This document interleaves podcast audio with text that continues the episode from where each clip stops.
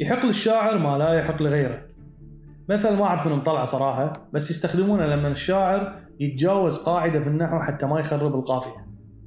الغريب إن هذا المثل متفشي عدل في وايد ناس تلاقيهم يكسرون قواعد المنطق والعقل ومعتبرين إنه يحق لهم ما لا يحق لغيرهم.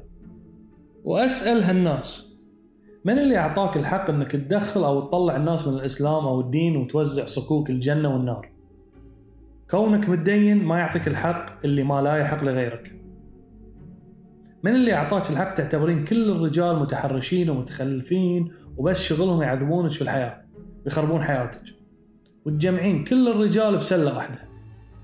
كونك فيمنست لا يعطيك الحق اللي ما لا يحق لغيرك.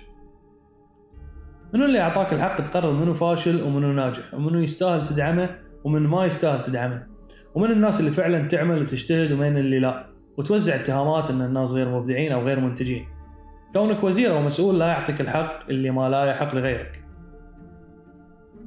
من اللي اعطاك الحق تعلمين الناس شنو المفروض يلبسون وشنو المفروض ما يلبسون؟ وين لازم يروحون وين لازم ما يروحون؟ حسب جنسيتهم أو عرقهم.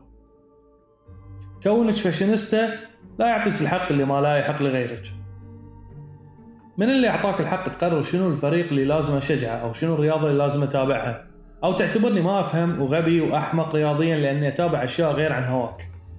كونك رياضي أو تفهم بالرياضة لا يعطيك الحق اللي ما لا يحق لغيرك. كلامي طبعا للمتطرفين فقط في أفكار. إذا كان الشاعر خرب قافية فأنتوا قاعد تخربون اجيال